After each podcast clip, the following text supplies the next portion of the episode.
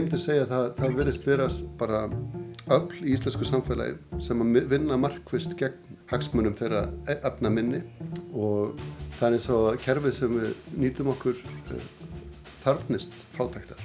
Lita fólk byrstist frekar sem rattlaus andlit og nafnlausir líkamar settir fram á forsendum ríkjandi smekks og sjónarmiða. Hann var svona mjög þekkt fígura í Vesturbæk Glasgow í háskólakverfinu, mm.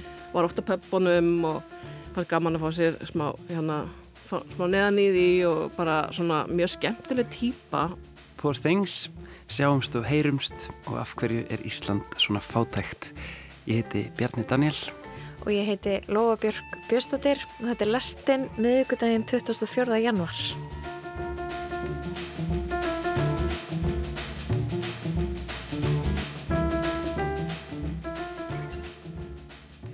Við hefjum lestina í dag á því að kíkja á nýja myndlistarsýningu sem nefnist Af hverju er Ísland svona fátækt. Hún opnaði í eh, nýlistasafninu í Marselhúsinu fyrir helgi. Slum kíkja út á Granda.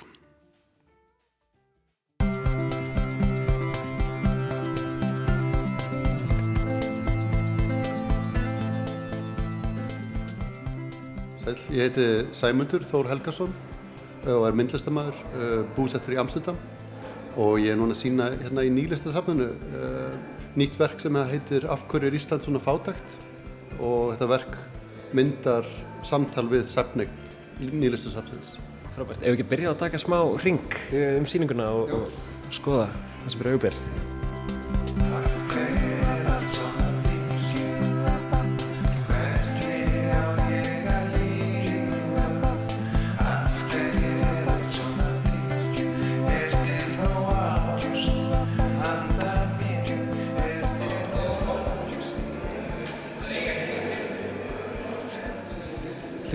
Lýsa fyrir okkur uh, því sem er í gangi hérna, hérna fremst í, í salnum? Já, um, ég sem sagt fór í kringluna og tók viðtöl við gangandi vegfærandur uh, um fátakt á Íslandi og spurði uh, fólk uh, fjóra spurningar. Um, fyrsta spurning er, já, hvað er fátakt? Uh, og það, svo spurninga, svörið þeirri spurningu kemur hérna á fyrsta skjá sem við sjáum þegar við göngum inn í salin Síðan á næsta skjá eh, eru svör við spurningunni er fátækt á Íslandi? Og hvers vegna og hvers vegna ekki? Og síðan innst, sko á síðasta skjánum um, eru svör við spurningunni hvern, hvernig getur Ísland rísið upp úr fátækt? Og hver skjár uh, myndar hérna kaplaskil í síningunni og uh, Otta Júlia Snoradóttir valdi verk úr safneg til þess að fara í samtal við hvern skjá fyrir sig og hverja spurningu fyrir sig. Og svör við, viðmælanda um, hefur haft áhrif á val úr verkunum. Til dæmis í, á hérna skjá nr. 2 er fátækt á Íslandi. Þá er einn viðmælandi sem talar um verðlagningu á vinnberjum í bónus. Talar um að vinnber, pókja vinnberjum kostar 1200 krónur og um, mörg þeirra vinnberg er oft skemmt og það er eitt verk hérna eftir Írisu Elfu Fridriksdóttir sem er án titils.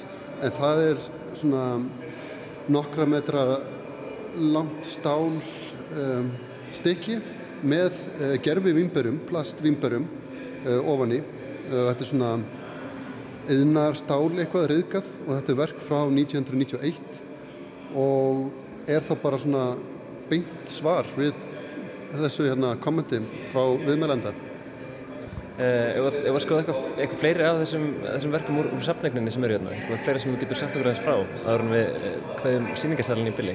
Já, hérna eru líka aflátsbref frá Snorra Ásmundsinni og hann kom með ný aflátsbref uh, fyrir þessa síningu uh, og það var það ný, ný bref handa Bjarnar Benediktsinni og Björgulvi Tór Björgulsinni en það sem var, og jú, og líka Þorstein Má eh, Baldvinsinni en fyrir í samfegn um, voru tvö eða, eða fleiri álagsbrjöf og eitt handa Davíð Ottsinni og svo var annað hérna handa Jón, Jóni Jónsinni Einmitt, og, og þessi þessi bref eru frá sagt, hvað, 2009, 2002 en svo eru Já, já, það ekki 2004, 2004, 2002 svo eru hérna, já, einmitt nokkur, nokkur stykki sem eru dagsett 19. janúar 2004 sem er bara í síðustu viku þegar síningin opnar Já, al alveg rétt, alveg rétt. þetta eru nýverk Þetta er á splungun í verk sem að hann gefur þá í safneign.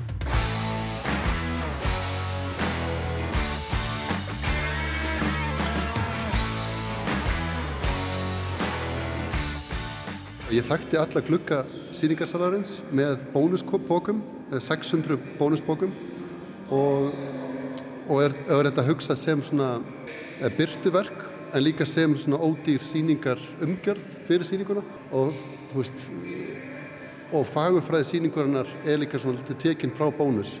Og skjáirnir sem að hýsa verkin eru, já, eru svona innblásnir af uh, bónus innréttingum.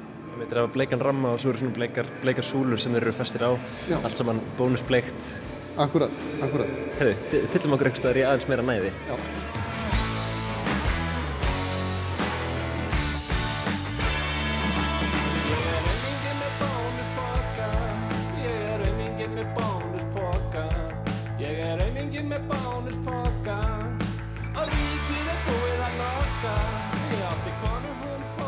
Sko, mér langar eiginlega að byrja bara þar sem að við svona, hérna, þar sem við numum staðar inn í sal. Þú veist að tala um bónusbókana sem að þekki alla glugga. Uh, sko, hvað er það við svona fagufræði og útlitt bónus sem heillar sérstaklega?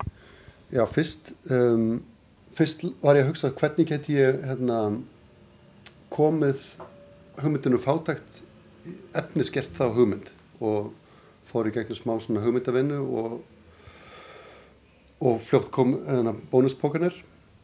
Bónus var mjög brautriðandi á sínum tíma um, með hérna, verðlækningu uh, á matverum á Íslandi.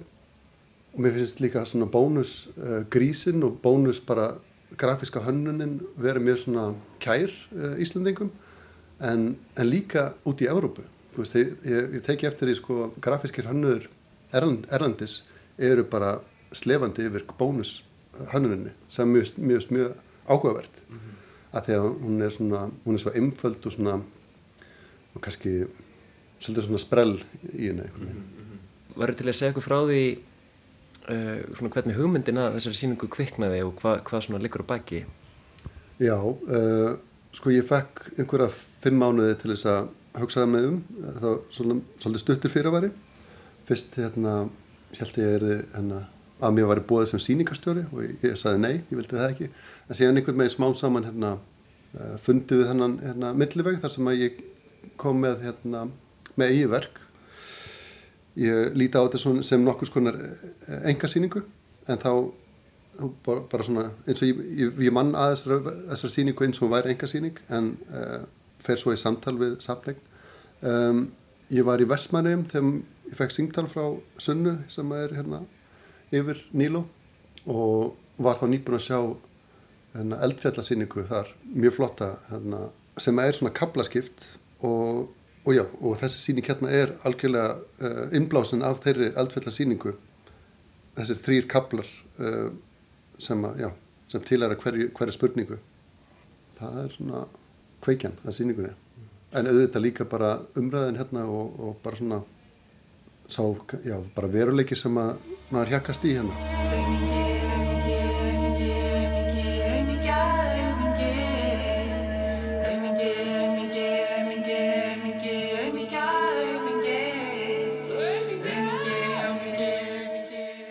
Sko, mér langar kannski að tala næst um hérna myndböndin sem við sjáum á, á þessum þremur skjáum inn í sal. Uh, þar fórstu í kringluna uh, fyrir jól og tókst fólk tali svolítið handáskjönd uh, og, og rættir við það um fátækt á Íslandi talar um það í, í sem sagt, texta sem fylgir síningaskráni að, að hugmyndin hafi verið að, að vinna með svona svipaða nálgun og, og maður sér stundum í fréttaflutningi til dæmis sjá rúf emitt. Um, sko, mér langar ekki að spyrja bara hver, sko, hva, af hverju skiptið þið máli að tala við almenning um þessi þemu hverju ertu að reyna að koma að staða með því að, að framkoma þetta svona mm -hmm. Já, þetta er hérna þetta er svo stórt viðfangsefni og, og svona mér finnst að vera alltaf einhvern veginn í umræðu en, en mér finnst um, lítið gert í því að hérna allavega hálfu yfirvalda að hérna reyna að útrýma fátækt. Og þess, þess vegna ég var svona á báðum áttum með hvort ég ætti að tala við stjórnmálamenn líka. Fá kannski mæla með mót við stjórnmálamenn í kringlunni kannski til að hafa einn á milli en mér finnst það einhvern veginn ennlagar að, að fá bara fólkið í landinu. Og þetta er líka svona getur litið á þetta sem svona einhvern think tank eða þú veist eitthvað svona að hérna hugsa saman þessa hugmynd og þessi vand, veist þannig vanda í staðin fyrir að fá einhver svona tilbúin svör frá stjórnmálamönnum sem eru oft svolítið loðinn og, og, og kalkuleirit og ég svona efast um að stjórnmálamenn séu í rauninni að reyna að útrýma fátækt á Íslandi. Einmitt, það er mitt sko greinilegt eins og segir að, að sko fólki sem talar við það verðast einhvern veginn allir hafa skoðun á þessu það var allir pælt í því sko pælt í þessu viðfangsverðin fátækt á, á Íslandi um, síningin heitir auðvitað af hverju er Ísland svona fátækt hefur þú komist að einhverju niðurstöðu hefur þú fengið eitthvað svar við þessari stóru spurningu? Já, ok, það er svona ég myndi segja sko að það sem ég skinnja svona úr þessum svörum bara heilt yfir þá er það einhvern megin hérna, skortur á samstöðu eða jafnveil samkend í íslensku samfélagi. Mér finnst líka einhvern veginn forðanlegt sko það er oft talað um sagt, að, að jú það sé alveg fátækt á Íslandi en, en samt sé staðan hér einhvern veginn miklu betri heldur en í mörgum öðrum löndum sko finnst þetta að vera þú veist þetta er allting þema eða ekki þegar að vera að ræða þessar hluti Þetta, Þessi punktu kom emitt fram hjá nokkrum en, en samt sem áður þó, þó að Ísland sé ríkt land og hér hérna farum mikið miklu peningar þá hérna eru samt sem áður 50.000 manns um, um, það, um það byll sem eru undir fátæktamörkum uh, meira þess að eftir bætur. Þetta er mjög stór uh, hópur þó svo þetta sé ríkt land og ég hérna uh, fekk þessar tölur úr hérna skýslu sem að hvernig segir maður? Um, Haldar Móinsson gerir skýslubeinu í fyrra og vildi fá um, útreikning á því hvað fátækt kosta Íslenska ríkið árlega og þá sá ég þessa tölur. Við, það, þú spurði mig áðan annar spurninga Já, af hverju er Ísland svona fátækt? Já, já, já. já, þetta er náttúrulega mjög stór, stór spurning og, og kannski svona svolítið næf spurning, þú veist. Hún er líka sett fram þannig sem svolítið kannski svona stuðandi á meðan uh, spurningarnir í síningunni eru me meira einlag, einlagar en ég myndi segja að það, það verðist vera bara öll í íslensku samfélagi sem að vinna markvist gegn hagsmunum þeirra efna minni. Og það er eins og kerfið sem við nýtum okkur uh, þarfnist fátæktar. Þarfnist þeirra hérna, þeirra arð, arðrændu.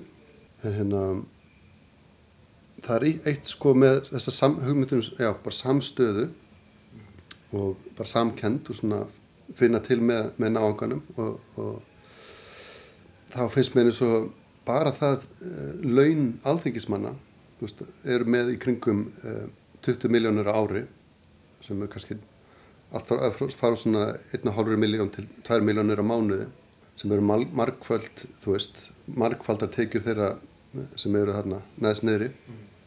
Ég heldur svona á kerfislegan hátt þá fjarlægast uh, stjórnmálamenn uh, þessu fólki. Veist, ég hugsa að sé erfiðar að setja sig í stöður þeirra sem eru efnamenni þegar þú hefur þessi þægindi.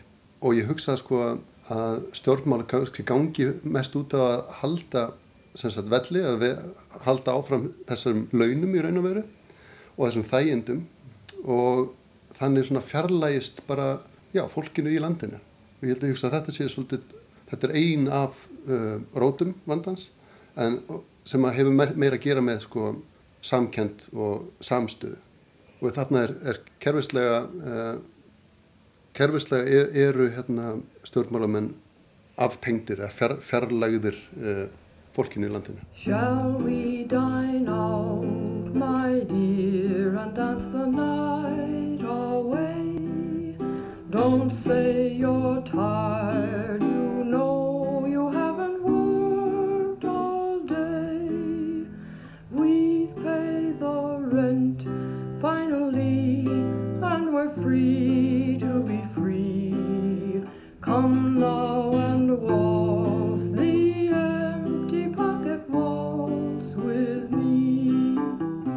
me Sýningin hérna tekur þá ímynd sem að Ísland hefur móta sér eða svona ímyndar sköpun, þessi glansmynd af Íslandi sem að er miðlað út af við um, þá til að laða að túrista og, og fjárfesta.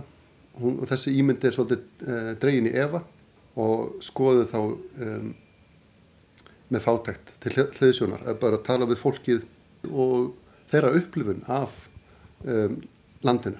Þannig að verður til einhvers konar félagslegt raunsægi sem er í algjöru ans ansvari uh, við þessa glans ímynd Já, einmitt, þetta er, er áhugaverið punktur. Þannig að, já, þegar erlend ferðarfólk kannski hugsa um Ísland og sér það fyrir sér uh, bláa lónið, eldfjöll, uh, jökla, þú veist, svartar strendur og, og, og fleira í þeimdur. Ekkert neginn þegar ég hugsa um Ísland þá sé ég bara fyrir mér sko bílastæði í skeifunni eða einmitt kringluna rétt fyrir jól, þú veist, uh, einmitt það er þessi hverstaslegi veruleiki.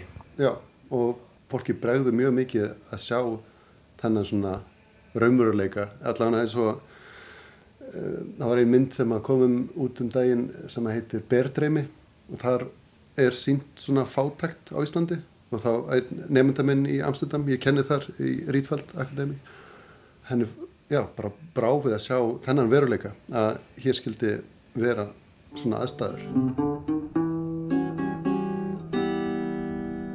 Sko, mér langar svolítið að tala um þessa síningu sem er í gangi núna í, í samengi við þín fyrirverk að þetta er kannski ekki fyrsta skipti sem þú fæst við sko, hugmyndur um fátækt eða ójöfnuð. eh, til dæmis hérna, félag borgara er, er batteri sem þú settir að staða 2017 eða ekki satt mm. sem, er, sem þú lístir sem þrýstihópi fyrir borgaralönum eh, getur þú talað eins um, um þetta í samengi við það sem þú ert að gera hérna í dag í nýlstasafninu? Já, þetta er alveg, eins, já, alveg rétt bein tengt því sem ég hef gert áður en ég ákvaða hérna nefna hverki í raun og veru félag borgara fyrir þessa síningu af því að mér langar eh, hinga til hafa þau verið bara svona þau eru til eh, á bladi og lagarlega eru þessi, þessi þetta félag til en mér langar til þess að virkja, virkja þessi samtök um, og fá fleiri aðila inn, inn, inn, á, inn í þau hinga til hefur, hefur þetta verið svolítið svona umgjörð utan um þá list sem ég hef skapað en ekki beint verið sko virk, virkur þáttangandi í e, íslensku samfélagi. En auðvitað, þetta tengist um, borgarleinum, getur gert það, en það er komið eiginlega óvart að engin viðmælandi komið þá um, þann punkt eða þá hugmynd að, að borgarlein getur um, leist þennan vanda. Leist fátæktar vandan mm -hmm. sem þetta takk fyrir spjallið og, og til ykkur með síninguna af hverju Ísland svona fátækt? Takk fyrir, takk fyrir komuna. Let's close our door and make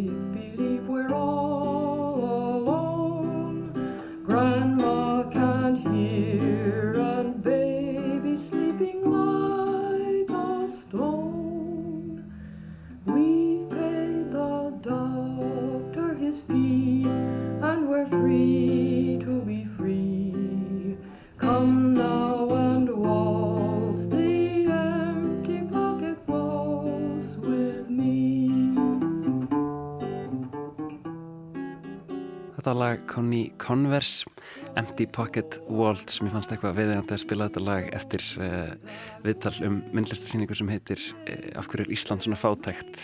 En það var Sæmundur Þór Helgason sem sagði mig frá síningunni, hún opnaði í uh, nýlistasafninu fyrir helgi og stendur eitthvað áfram þar.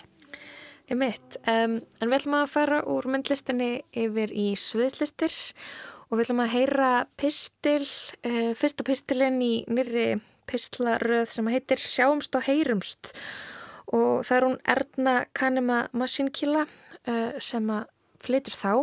Hún er útskriftanemi á Sviðsöfundabrauti Listaháskóla Íslands og henni eru byrtingamyndir á leiksviðum borgarinnar hugleiknar.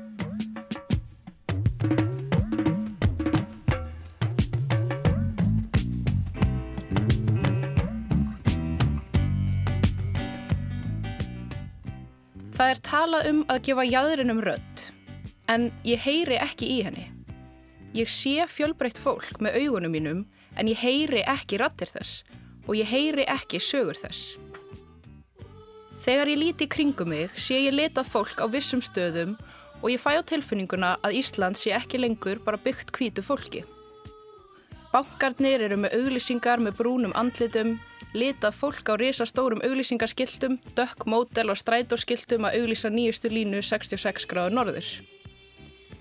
En mín upplifun er svo að í menningar og listasamfélagi landsins sé hreinlega í tísku að sína fjölbreytileikan, en þó ekki á forsendum hinn á fjölbreytu.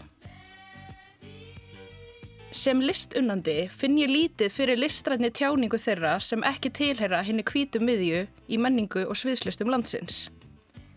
Litað fólk byrstist frekar sem rattlaus andlit og nafnlausir líkamar settir fram á forsendum ríkjandi smekks og sjónarmiða.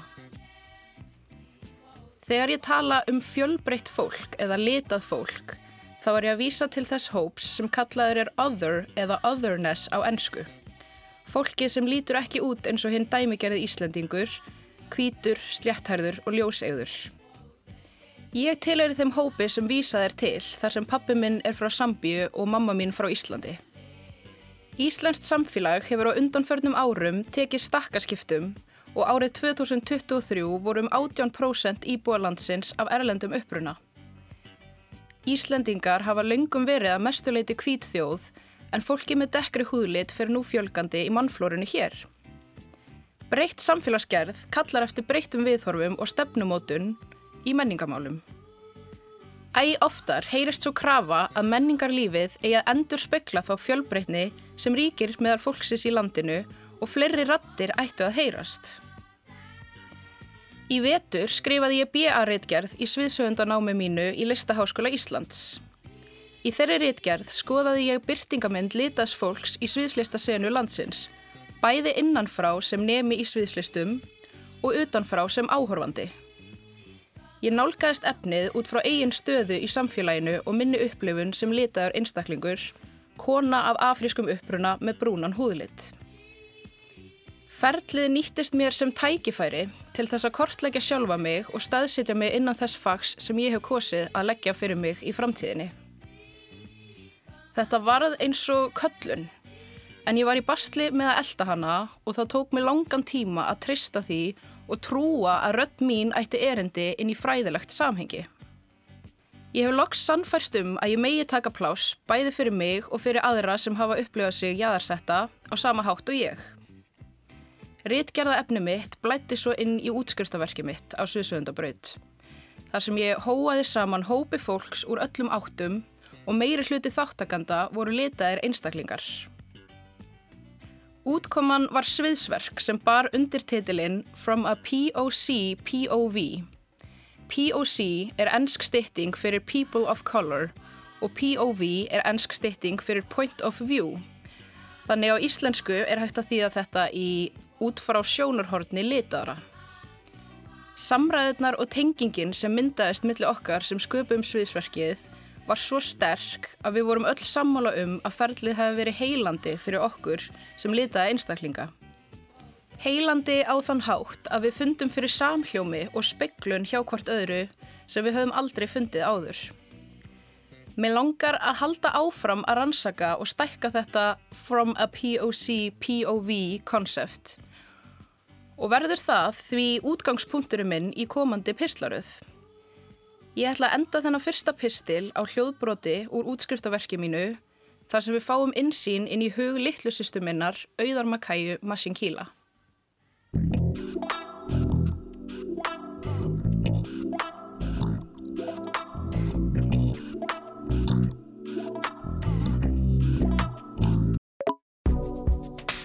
Your body drive me crazy. Your body need a license fit. Your body are too tight and neat. Anybody who got eyes can't see. She just wanna dance and tease. She just wanna dance and tease me. She just wanna dance and tease me. Þegar ég var yngri þá fór ég í apotek um, og þá var ein brún dolla af meiki sem var bara mjög brún og ég kefti hana.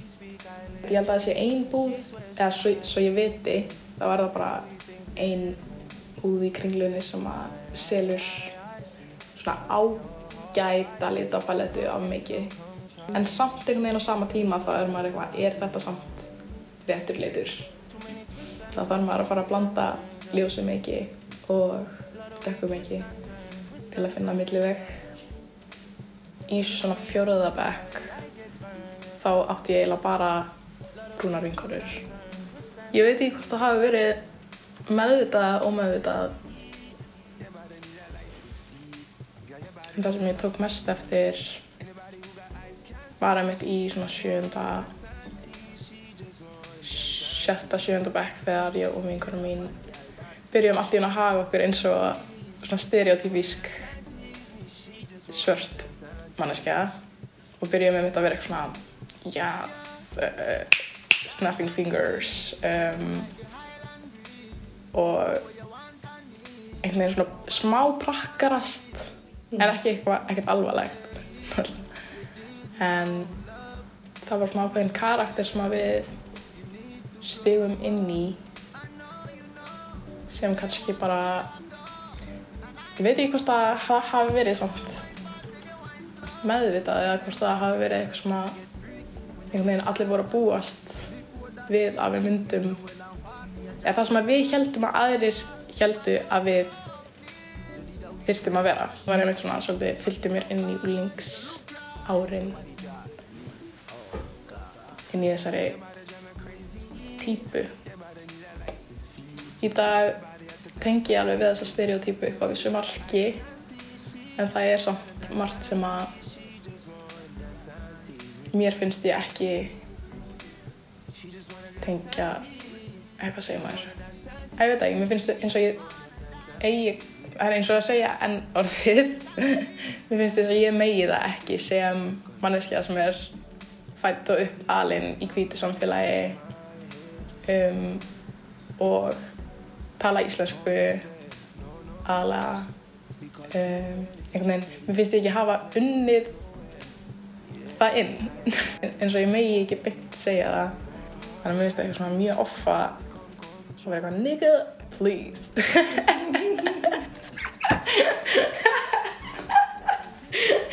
Það er báralegt ekki að ég ef að ég myndi allt í einu bara segja nigga fyrir framann hvítu vini mína þá væri þau bara hvað hva er þetta þau myndi bara sjokk sko. um, nigga pass var aðaltrendi í sjöndabæk sko um, það voru alveg bara þetta var einhver tímabil þar sem að þar sem að allir vildu fá pass hjá mér. Pass gekk út af það eða gengur út af það að þau megi að kalla mig nigga hvít, hvíta mannskjur svo þetta eh, og þá er ég að gefa þeim passan til að segja ennorðið við mig. Þetta var náttúrulega ótrúlega óþægileg samtöl í hvert einst sinn.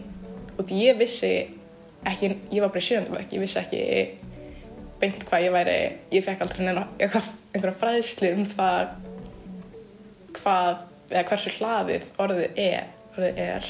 þannig ég var eitthvað um, haha sagði aldrei nei, en ég sagði ekki já en allir er mitt mjög mikið eitthvað svona, allir að tala um ennorðið og hvað allir í kringum mig sem sagt, að tala um ennorðið og eitthvað svona hvað það er fyndið og hlaðið orð á meðan ég er bókstæðlega eina svarta mannskjan í herbygginu og geta ekki tjáð mig um það sjálf, skilur sem 13 ára úrlingur í hvítu samfélagi. En mér finnst ég vera meira svörtur í kringum svarta einstaklinga og þar að leiðandi vice versa með þegar ég er hvítum hvíta. Ég tók alveg tímabill þar sem ég var alltaf í veist, stutt klift afró í skrítnum MH hipstera fötum. Um, en svo einhvern veginn því meira sem að ég hafði mig til og var svona meira skvísa og passaði kannski inn í bara svona hætti að vera um leið og ég hætti að vera ég að fara brúna stelpan eiginlega. Og var frekar þessi gorgeous brúna stelpa. Þá fekk maður miklu jákvæðri um, feedback frá samfélaginu. Og ég hef alveg í að fara út í búð í joggingfötum með óþvegið andlit og ógreitt hár og eitthvað svona og einmitt verið bara eld í gegnum alla búðina af einhverjum öryggisverði. Miklu betra að vera starður á vitandi að manneskjan sé að hugsa hvað þessi er sæt í staðin fyrir eitthvað annað neikvætt varandi litarhátt. Mér finnst það mjög leðilegt hvað ég tengi ekki mikið eða eins mikið og ég myndi vilja við svörstilliðina og því að þetta er svo stór hluti af mér sem ég einhvern veginn hef ekki gefið mig tíma í að skoða nánar um,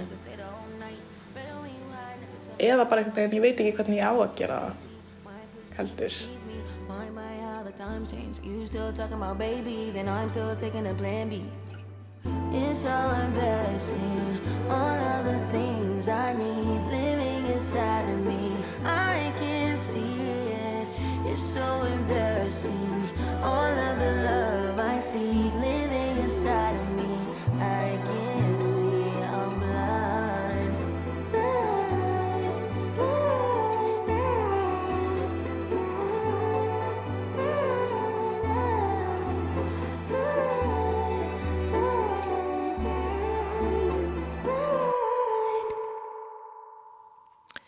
Það var hún Erna Kanema Masínkilla sem að flutti pistil og svo heyrðum við í systrunnar og sissu um, við fáum að heyra meira frá Kanemu í lestinni. En næst ætlum við í bíó.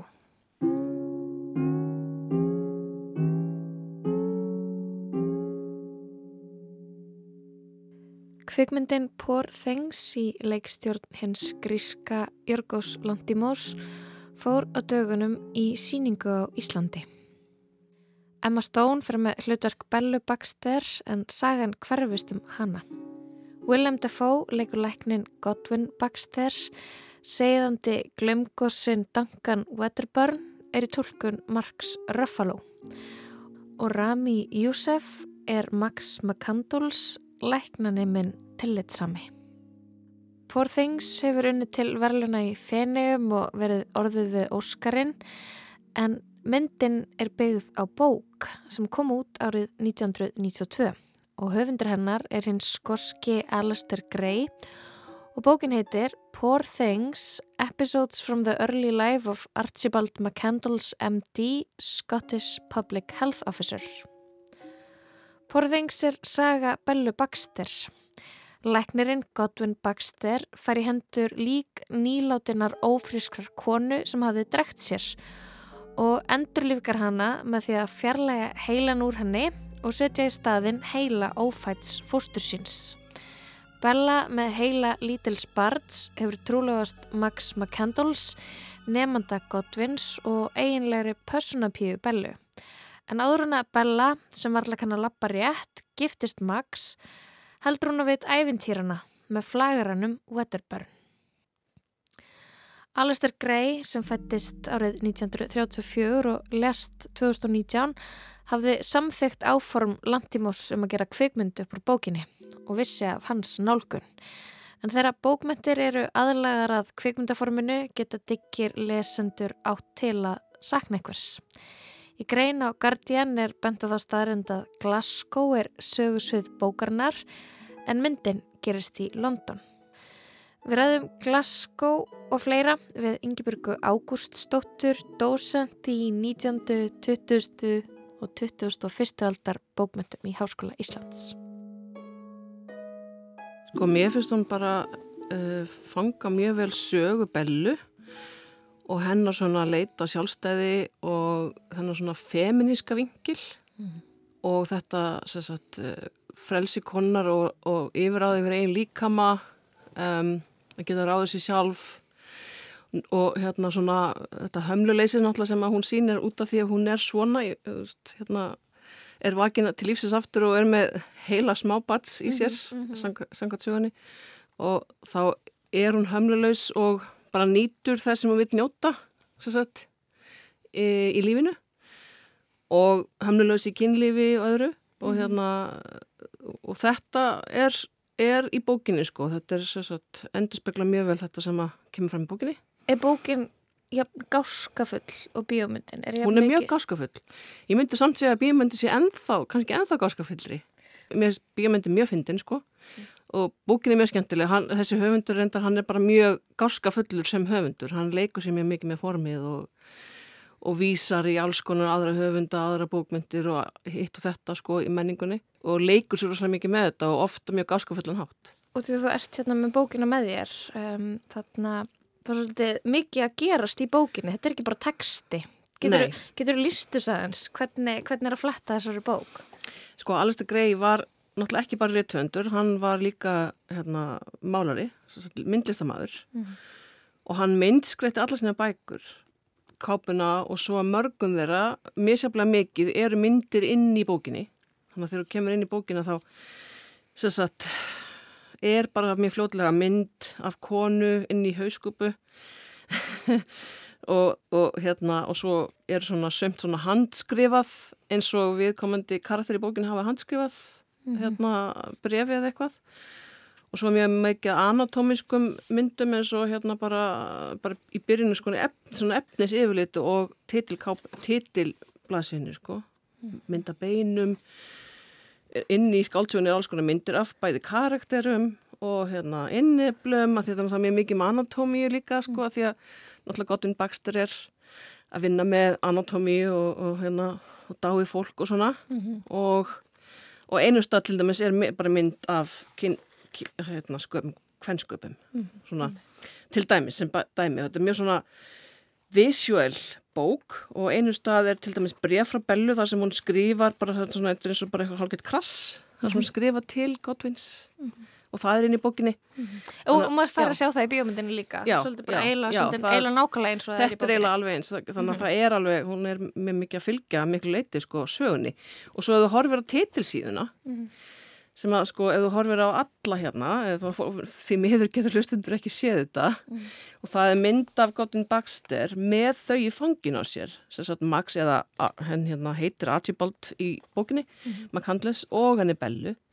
Og þetta er þannig veikur og svona er við, svona við döðanstýr hérna, þá sest hún eil í fangjón og svo hérna Max við hliðina og þau svona er, í- er hérna að faðmann Eins og í bíómyndinni. Já, þetta er í bíómynd og þessi sena er, er svona í bíómyndinni þannig að þeir nota, hann greila hérna, leikstur notar þetta þessa, þessa mynd sko sem fyrir mynd Bókina og myndina.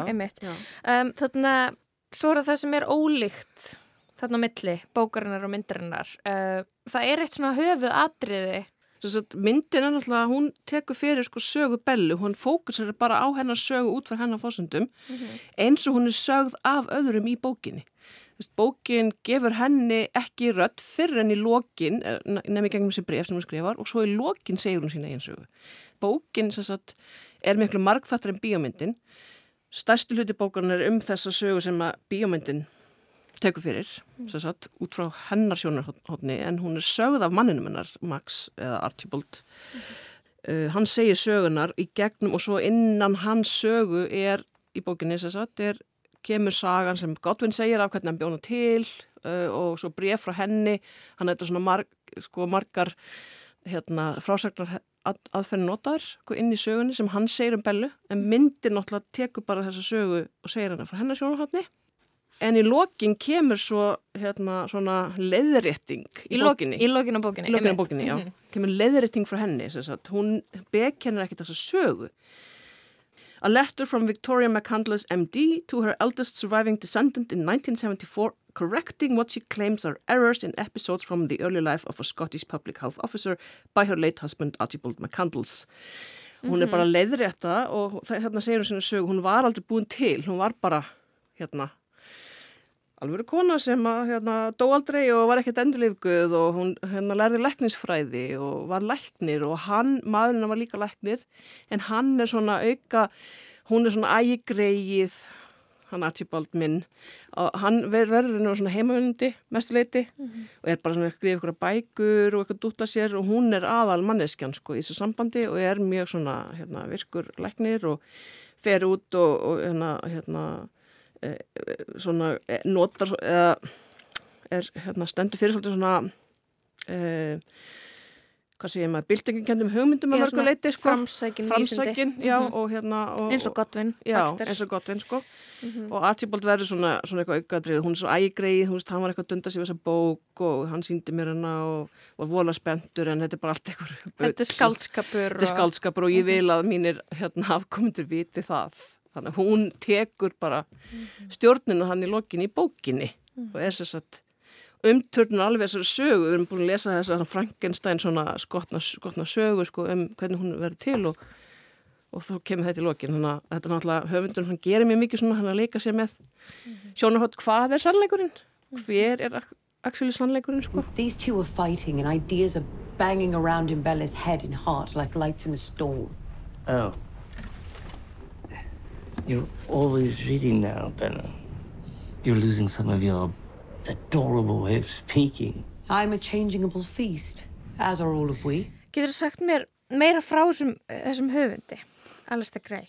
Já, hann er mjög hérna þetta er mikilvægur skoskur höfundur bara því miður allt og lítið þekktur fyrir utan Skotland af því hann á það svo skilið að vera miklu þekktari utan Skotlands hann hérna uh, er svona talin einna bara mikilvægastu höfundum uh, skota frá svona, já, á nýjönda áratögnum og áfram, sko, hann svona hluta stóri bylgi í skoskum bókmyndum sem að kom svona önnur endurreisn í skoskum bókmyndum 19, á svona nýjönda uh, fyrir ekki nýjönda og tíunda áratögnum Mhm. hann á samt fleiri höfundum eins og Irvine Wells sem skrifaði Trainspotting, sko Mhm. svona talið með þeim og fleirum svona framsagnum höfundum. Hann er mjög postmodernískur höfundur, leikur sér mikið með formið, hann var mjög mikið virkur, uh, skrifa til þess nýju skáldsjögur, fimm smaksagnarsöfn. Mm.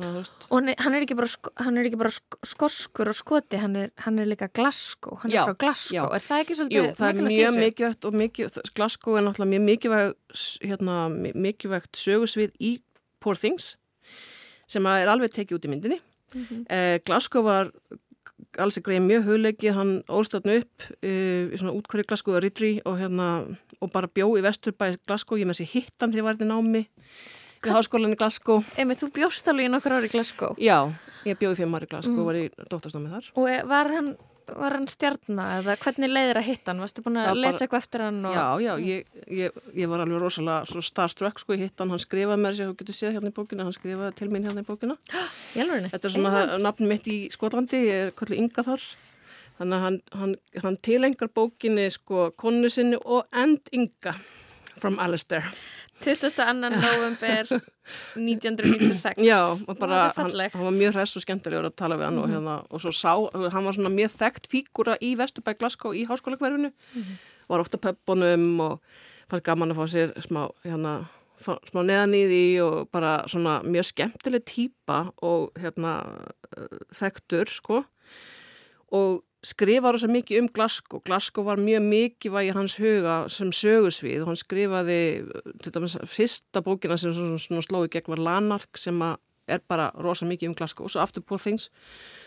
Park Circus sem er svona um, svona tenement bygging sko upp á hæð rétt hjá háskólanum. Mjög svona afgerandi hérna í landslæðinu Það er aðal hérna, heimilisfangi þar sem Godwin Baxter býr, Park Circus nummer 18 nema rétt og svo er mjög mikið talað um almenningskarinn hann er Kelvin Grove Park, það er mi- minnst á háskólan á þetta hverfi þegar farið göngutúri Kelvin Grove Park og hún er bara mjög lifandi sem sögusvið í bókinni Glasgow. Hann, var, hann, hann, var fylgjandi sko, skorsku sjálfstæði og eitt af hans aðal mottoum var Work as if you live in the early days of a better nation. Mhm, Það er svona mjög lýsandi fyrir hann. Hvernig er þessi saga tólkuð? Ég er svona, ég er aðeins búin að fylgjast með hvað fólk er að segja um bíómyndina en ég get ímyndað mér að þessi bók kemur út að, að það hefur ekkert endilega verið að, verið að tala um sömu hluti þá og núna. Hún sló í gegnum þessi bók sem kom, sko, 1992, þá hún fe- vann hérna Whitbread uh, velunin og líka Guardian Fiction velunin og hérna, og varðvís bara mjög fræg út fyrir Skotland, sko, í Bandaríkjunum var hann mjög vinsæl, hann fór með þessi einhvern túr til Bandaríkjana í hérna kjærfæðið sem hann kom út. Og sló í gegnum náttúrulega, hún er svona náttúrulega að tala, þetta er svona yes, hvað segir maður, enduritun, aðlugun á Frankenstein sögunni með feminísk, mjög feminísku sjónarhotni e, og náttúrulega söguleg skáldsagam leið um, er náttúrulega mjög svona, kemur inn á uh, þjóðerni svona, eða sko ekki þjóðskend, heldur svona sjálfsmynd. Já, hún, hún bara hún, hún sló mér mikið í gegn sko. En hérna, svo einhvern veginn svona hafi landmark einhvern veginn tók sko þegar það er svona gaggrindur og fræðimennar fjallum greið þar oft landmark miklu svona tali mikilvægara höfundverk eftir hann sko. En þessu eru eiginlega vinsælsta bókin allavega eins og vinsælsta sko, myndi ég segja En var fólk ekki að, að velta fyrir sér öðrum þemum heldur en bara þessum, þessum feminískum undirtónum? Þannig að þessi saga hlýtur að vera um mm, eitthvað, eitthvað annað líka.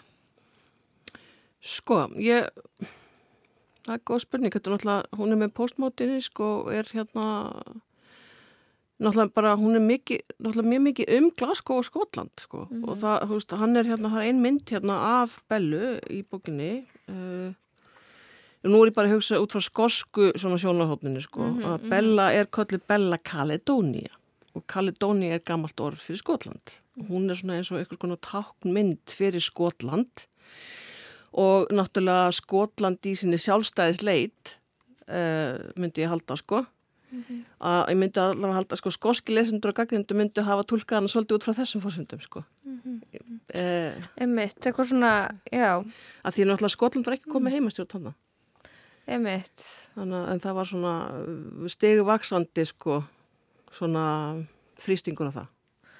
Emmitt um, Ég hef aðeins verið að sjá fólk tala um eitthvað en kannski að þarna, þetta sé ekkert svo feminísk mynd eftir allt saman þarna, þetta sé eitthvað svona sjónarhótt Karlmanns á það hvernig hvernfrelsi lítur út að, að, að, frjálskona er kona sem, sem getur stunda andalasta kynlífi og kannski líka selt kynlíf og, og það sé svona mjög svona takmörkuð og í rauninni bara svona uh, já, úrelt sín á að hvernig, uh, hvernig hvern, hvern frelsi lítur út. En ég, hvernig, þú veist ég las þetta aðeins öðruvísi. Ég hugsaði svona, já, auðvitað er kona mest aðlaðandi þegar hún þarna, einmitt, veit ekki hvað er í gangi og skilur ekki heiminn og getur ekki mótmælt. Og svo strax og hún ég er búin að lesa og þarna uh, komið með eitthvað svona svona um, uh, fær skoðanir og er með eitthvað ásetning og hérna, gerir það sem hún vill þá vilja Karlmenn læsa hana inni.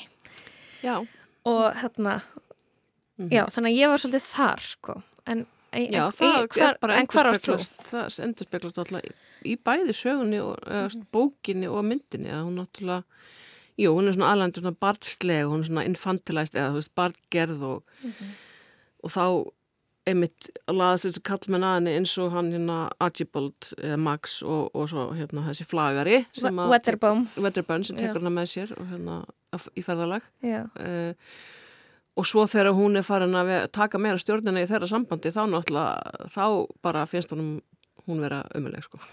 Eða þegar hún náttúrulega búin að menta sig, eða búin að lesa sig meira til um lífið og búin að kynnast heiminum og fer þarna til Alessandri og sér miskiptinguna sem að henni blöskra svo er bara í miklu uppnámi yfir Mm. verður svona sósialisti sko eða þannig Já, mjög hún Já, verður sósíalisti. Já, Mhm. og hérna þá gefst hann, svona, innan gæslapa, gefst hann upp á henni eða, þú veist, og, og gerir hana eitthvað svona monster sko, í raun og veru Mhm. uh, eitthvað skrimsli sko og hérna en þá er hún búin að taka völdin myndi ég segja og það er náttúrulega feminist sko Mhm. en, en auðvitað er þetta náttúrulega það er kallmaður sem að leikstir þessari mynd og það er kallmaður sem skrifaði bókina þannig að það er alltaf alveg hægt að taka undir þetta kannski er þetta í vissu leiti En þannig myndur þú segja að Alsta Grey væri feministi eða feminískur höfundur? Já, með þessa bók, já, ég myndi segja það og hérna með við það sem ég lesi eftir hann, sko. hann, var, hann var náttúrulega, hann, ha- hann skrifaði mér mikið um svona eitthvað sem teindist, sko, hérna, misrétti, kapitalisma, hann var rosalega mikið mátið kapitalisma. Bókin er líka um, sem ég náttúrulega glemt að koma inn á hann, hún er náttúrulega um, hérna, uh, nýlendustefnuna og svona, hann er með gaggrín á nýlendustefnuna. Einmitt, þau eru þarna Já. ferðast Já, og þarna já. hafa voðalega gott á sínu skipi og sínum hótelum. Já, og Þannig- hann skrifa Mhm. náttúrulega mikið um þetta sko og, veist, og svona bara svona kerfið sko hvernig það fer með fólk og, veist, og líka svolítið á móti kannski einstaklishygginu sko. Feminismi passar alveg inn í það sko, svona hans hugmyndaheim og hann, hann var svona mikið fyrir jafnbretti og svona maskínan og græðgin og sko kolonialismin og, og hérna, kapitalismin bara kæfa okkur sko, hann verður svona monster í bókunum hans, það er svona sérstaklega ábrendi Lanark til dæmis. Einmitt og Bella er svona einhvern veginn bæði hlut af því en svo rís hún upp gegn því. Já, já, einmitt, hún náttúrulega veit innan gæslapa, veit ekki betur eða eitthvað þarna. Náttúrulega er náttúrulega svolítið mótuð náttúrulega, hún er mótuð náttúrulega af kallmanni sko, Godwin Baxter eða Godin sem hann kallar hann sko. Uh, hann mótar til, náttúrulega. Já, Mhm. og mótar hennar svona heim og hugmyndu heim til að byrja með. En þegar hún fer út í heiminn og fer að sjá heiminn þá fer hún náttúrulega að móta sína eigin skoðanir. Og þetta er mjög svona visjóalt gert í myndinni þar sem hann upp í þessum törni og horfi niður á fólki sem er í lægstu stigum samfélagsins Mhm. og það er alltaf gert mjög svona sjónrænt af því hún er uppi og þau eru niðri í þessu svona slömmi sko. Eitt af mínum uppáhaldsmómentu var klálega þegar að fyrrum eiginmaðurinn hennar sem hún flýr í svona fyrra lífi samkvæmt Já. bíómyndinni og kannski fyrir hluta bókarinnar að þarna hann er með byssu og þjónustu fólki allan tíman, þú veist, það er, veist, það er þetta og hún er að fara að fundi sósilista í París og Já. hún er að eiga eitthvað svona það er stjætta vitundavakning Já, emitt. Hann er náttúrulega svona fulltrúi aðalsins sem er bara algjört, já. Algjör ofbeldismaður. Já, ofbeldismadur, sko. Og hérna, það kemur, þetta er svona, það er svolítið gert meira úr þessi myndin myndi segja í bókinni, en hann er alveg, hann er með byssu og, og hann, þú veist, lokar hann inn og hann ætlar sér að þetta bæði bók og, og mynd og náttúrulega að, hérna, að fjallægi hún í snýpin svo hún hafi nú ekki kynlífslöngun, sko. Já, ummitt. Hún er bara, hún er bara til þess að búti bætt, sko, Mhm. í hans augum og hann náttúrulega, já, hann er, sko, hefur verið svo rosalega hetja, hann hefur búin að berjast erlendis í Indlandi, þetta er náttúrulega að 19. aldrei þessi bók, hefur, hefur barist í Indlandi í indversku uppreysninni 1857 sem var náttúrulega, var náttúrulega opildið breyta gegn Indarim, sko, og hérna, og, en hann er náttúrulega svona dyrkað sem hetja sem að hefur svona, hérna, já, verið svona fulltrúi náttúrulega nýlendustöfnunar, hérna breska heimsveldisins uh, og haldið því uppi, en hann er ábyrtismæður. Þannig að það er svona táknlegt sko. Mhm. Þannig að, einmitt, um, og myndur þú segja, já, þeir sem fílu þessa mynd ættu þeir að lesa bókina? Já, alveg bara endilega sko. Mhm. Ég, bara, ég get ekki meld nóg með þessari bók, hún er algjörlega frábær sko. Takk hella fyrir komuna, Ingeborg. Gaman að spjalla við um fyrir. Things. Takk, takk. Wedderburn became much weepy and sweary when he discovered my whoring. I find myself merely jealous of the men's time with you, rather than any moral aspersion against you. It is your body, Bella Baxter, yours to give freely. I generally charged 30 francs. Well, that seems low.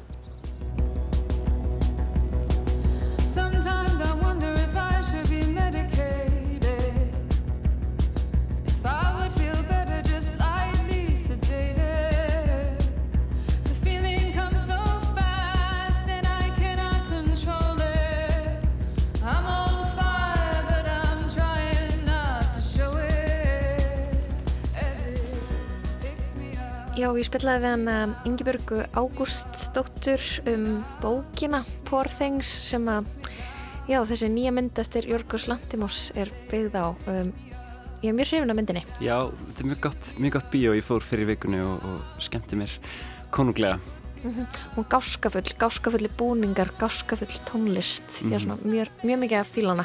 Um, við erum komin að leiðalökum í lestinni í dag. Við Lóa og Bjarni Daniel þökkum samvildina. Tæknumæður var Lítiða Gretastóttir, við heyrumst á morgun.